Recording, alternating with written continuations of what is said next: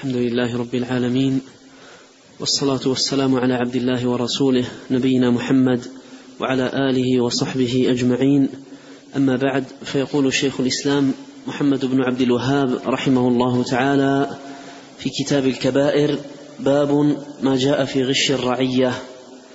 قال عن معقل بن يسار رضي الله عنه مرفوعا ما من عبد يسترعيه الله رعية يموت يوم يموت وهو غاش لرعيته إلا حرم الله عليه الجنة. بسم الله الرحمن الرحيم. الحمد لله رب العالمين وأشهد أن لا إله إلا الله وحده لا شريك له.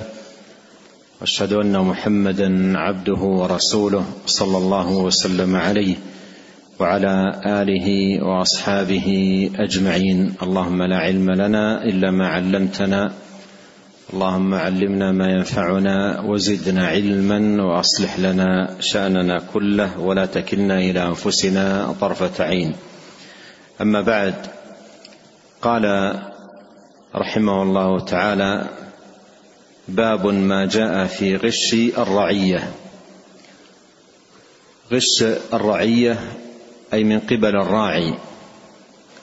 والأصل فالراعي أن يقوم على رعيته بالنصح والعدل ورفع الظلم والإحسان إلى الرعية.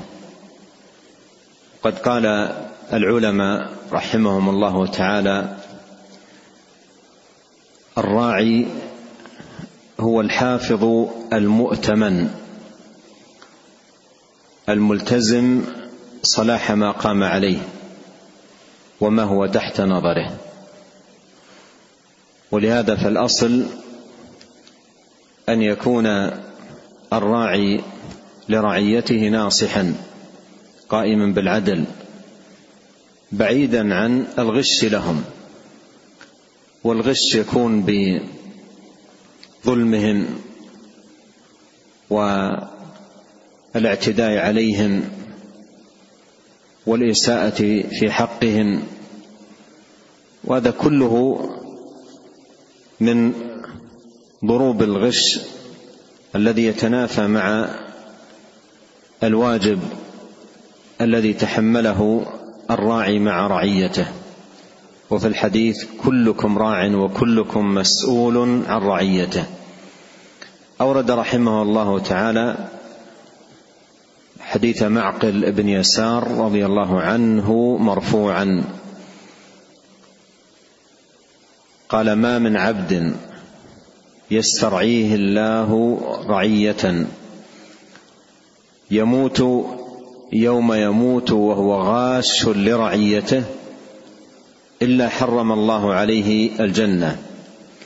وفي رواية فلم يحطها بنصيحته. إلا لم يجد رائحة الجنة أخرجاه. وهذا فيه التهديد العظيم والوعيد للراعي إذا لم يحط الرعية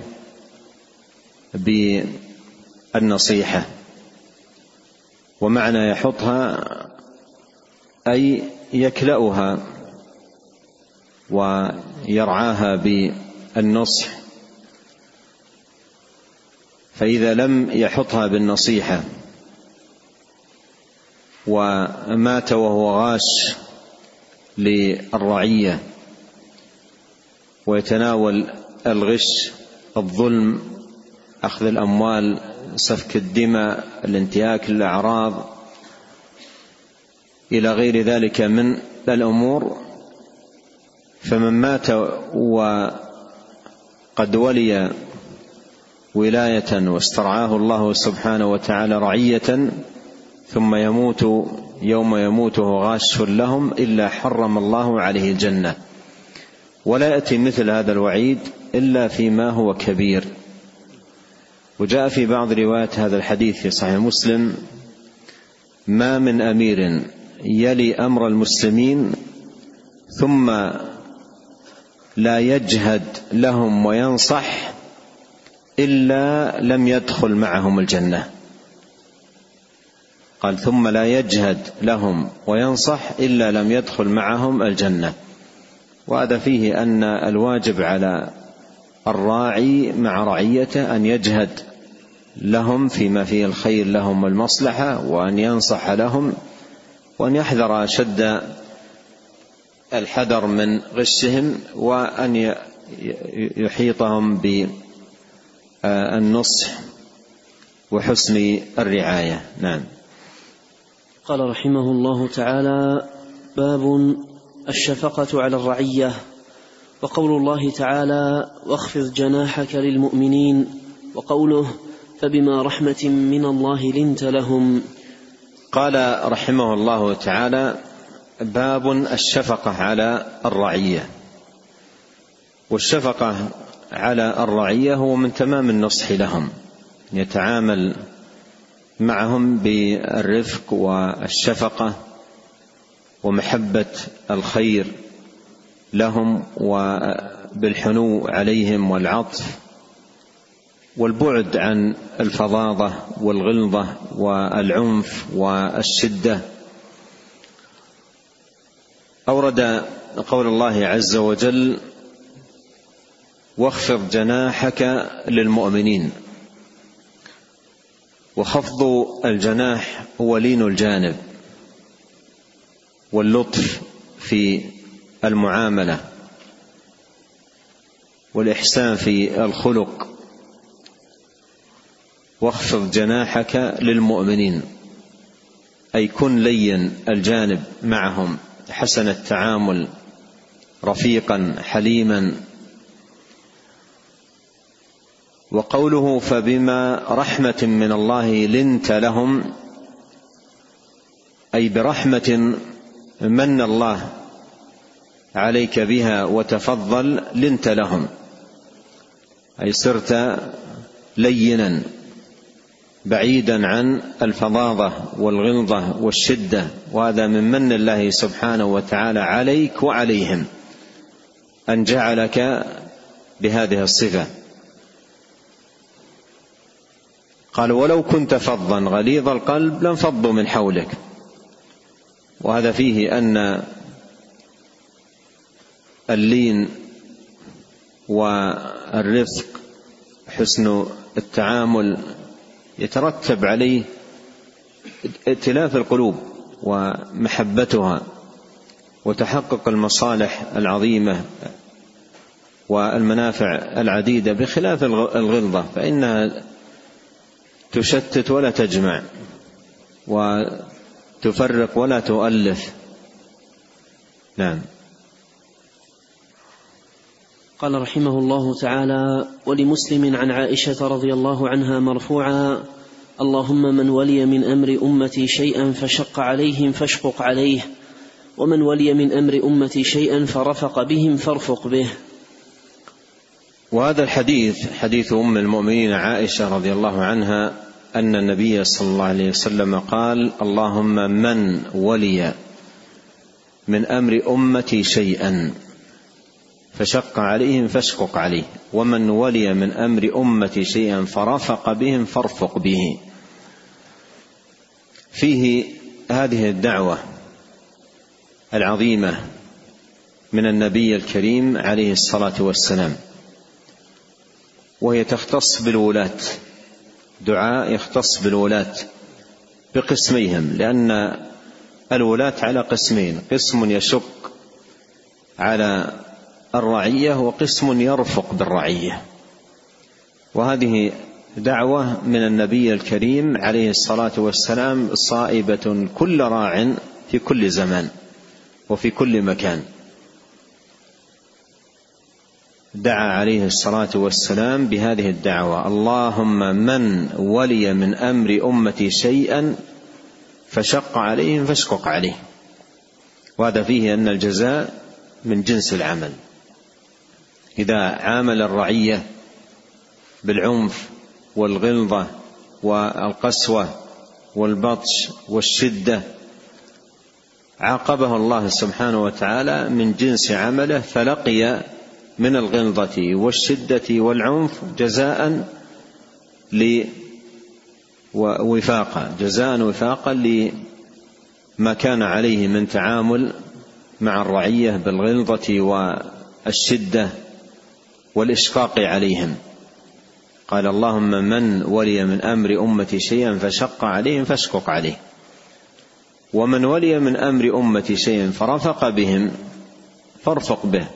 وهذا دعاء لمن عامل الرعية بالرفق واللطف والإحسان.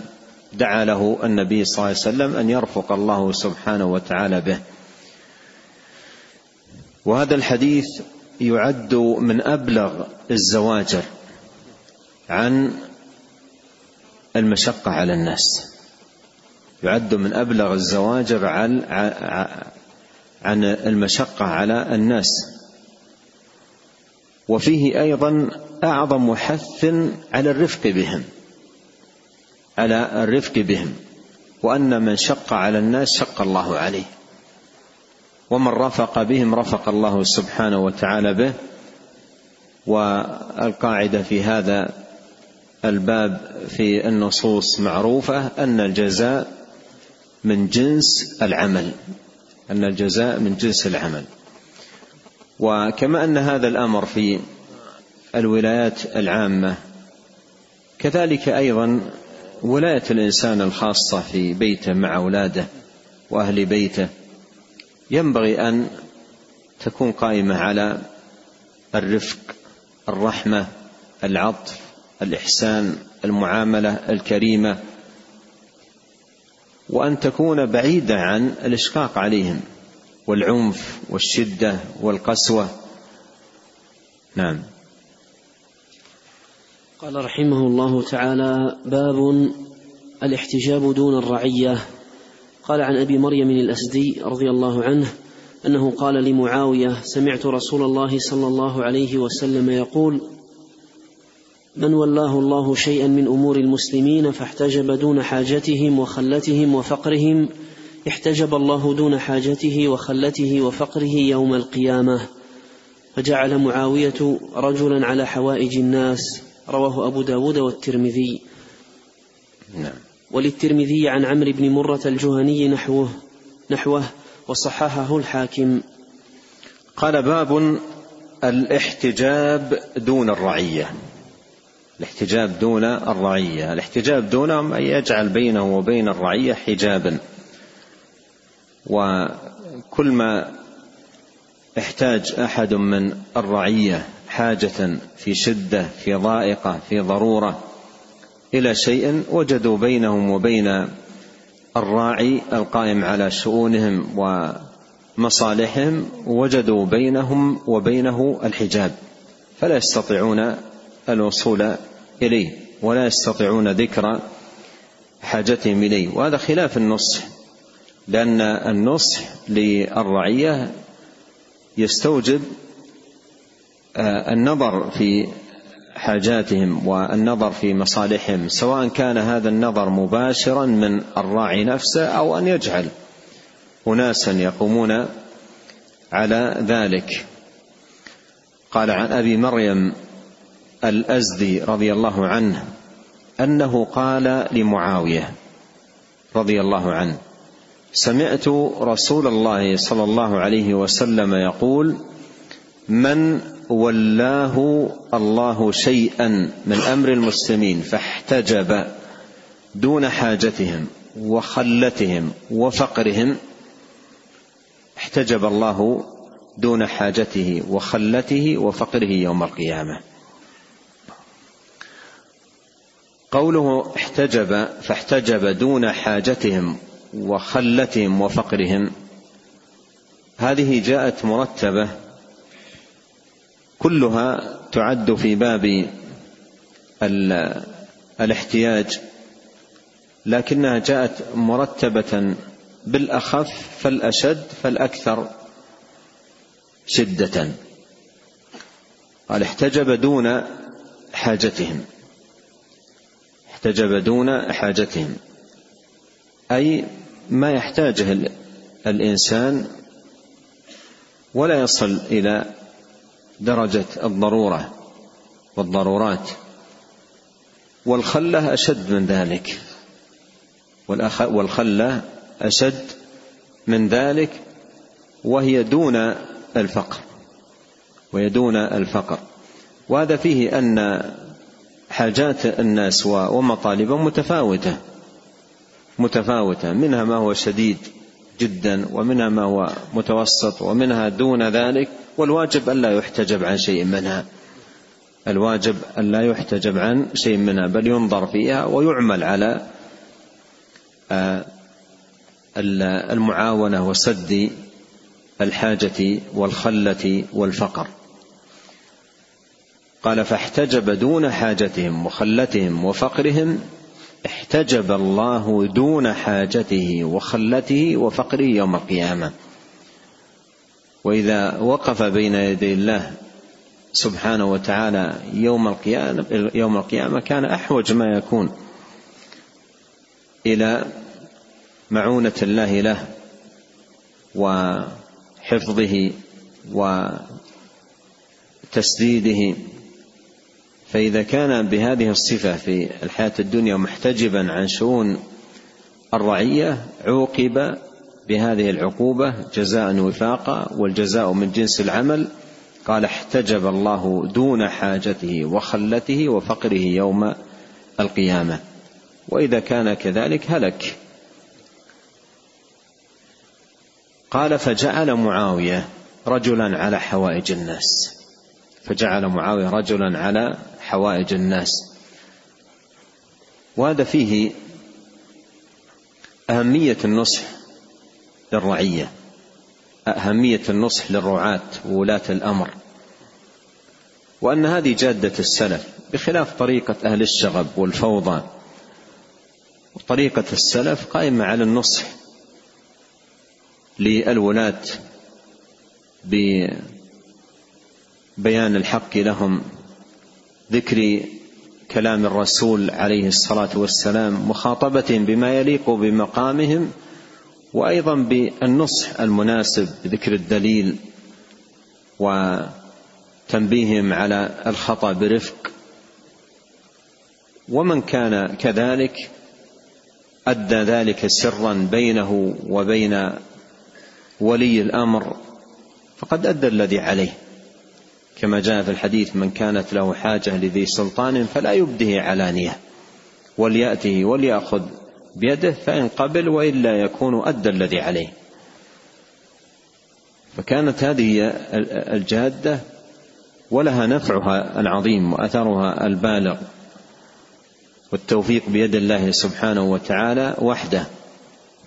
قال فجعل معاوية رجلا على حوائج الناس جعل رجلا على حوائج الناس أي أن ذكره ذكر أبي مريم الأزدي رضي الله عنه لهذا الحديث وتذكيره لمعاوية به كان معونة لمعاوية رضي الله عنه وأرضاه على مزيد الاهتمام والعناية بهذا الأمر العظيم الذي هو حوائج الرعية وعدم الاحتجاب عنهم.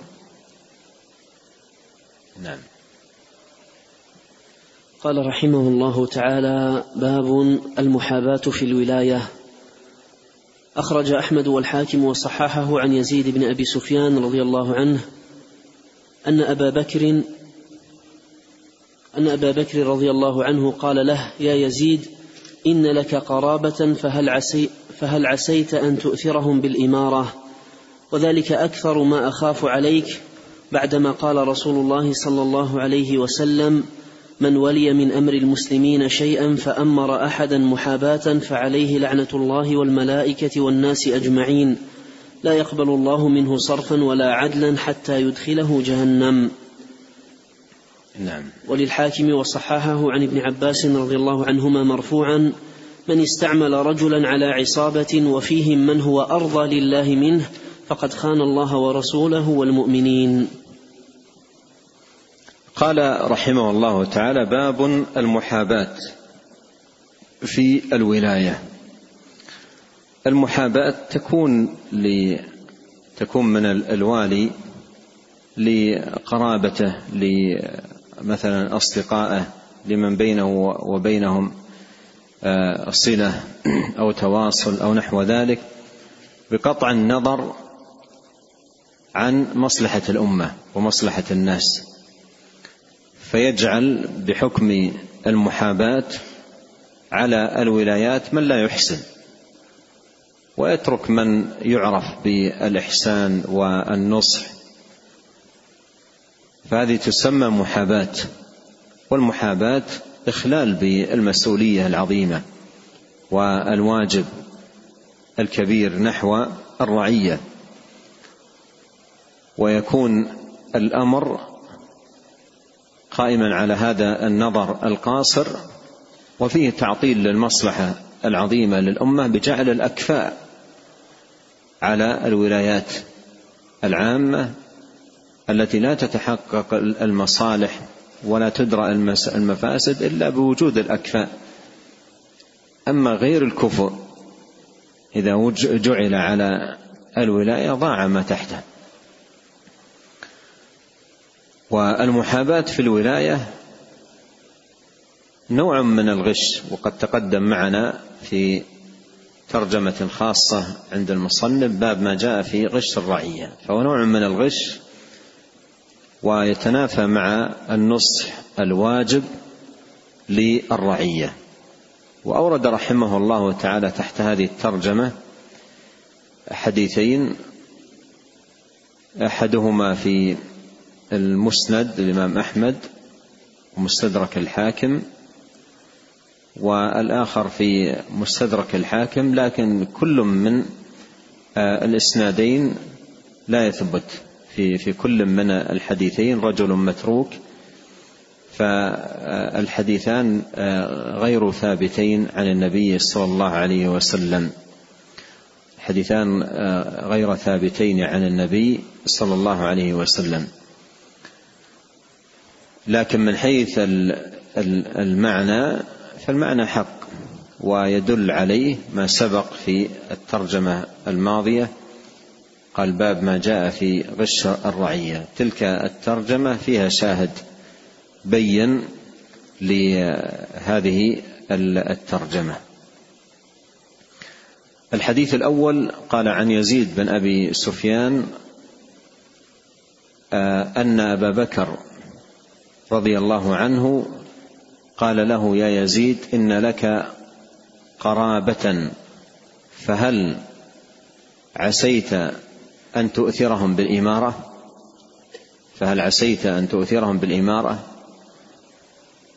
وذلك أكثر ما أخاف عليك بعدما قال رسول الله صلى الله عليه وسلم من ولي من أمر المسلمين شيئا فأمر أحدا محاباة عليه فعليه لعنة الله والملائكة والناس أجمعين. لا يقبل الله منه صرفا ولا عدلا حتى يدخله جهنم. والحديث الثاني حديث ابن عباس مرفوعا من استعمل رجلا على عصابة وفيهم من هو أرضى لله منه أي حاب ذلك الرجل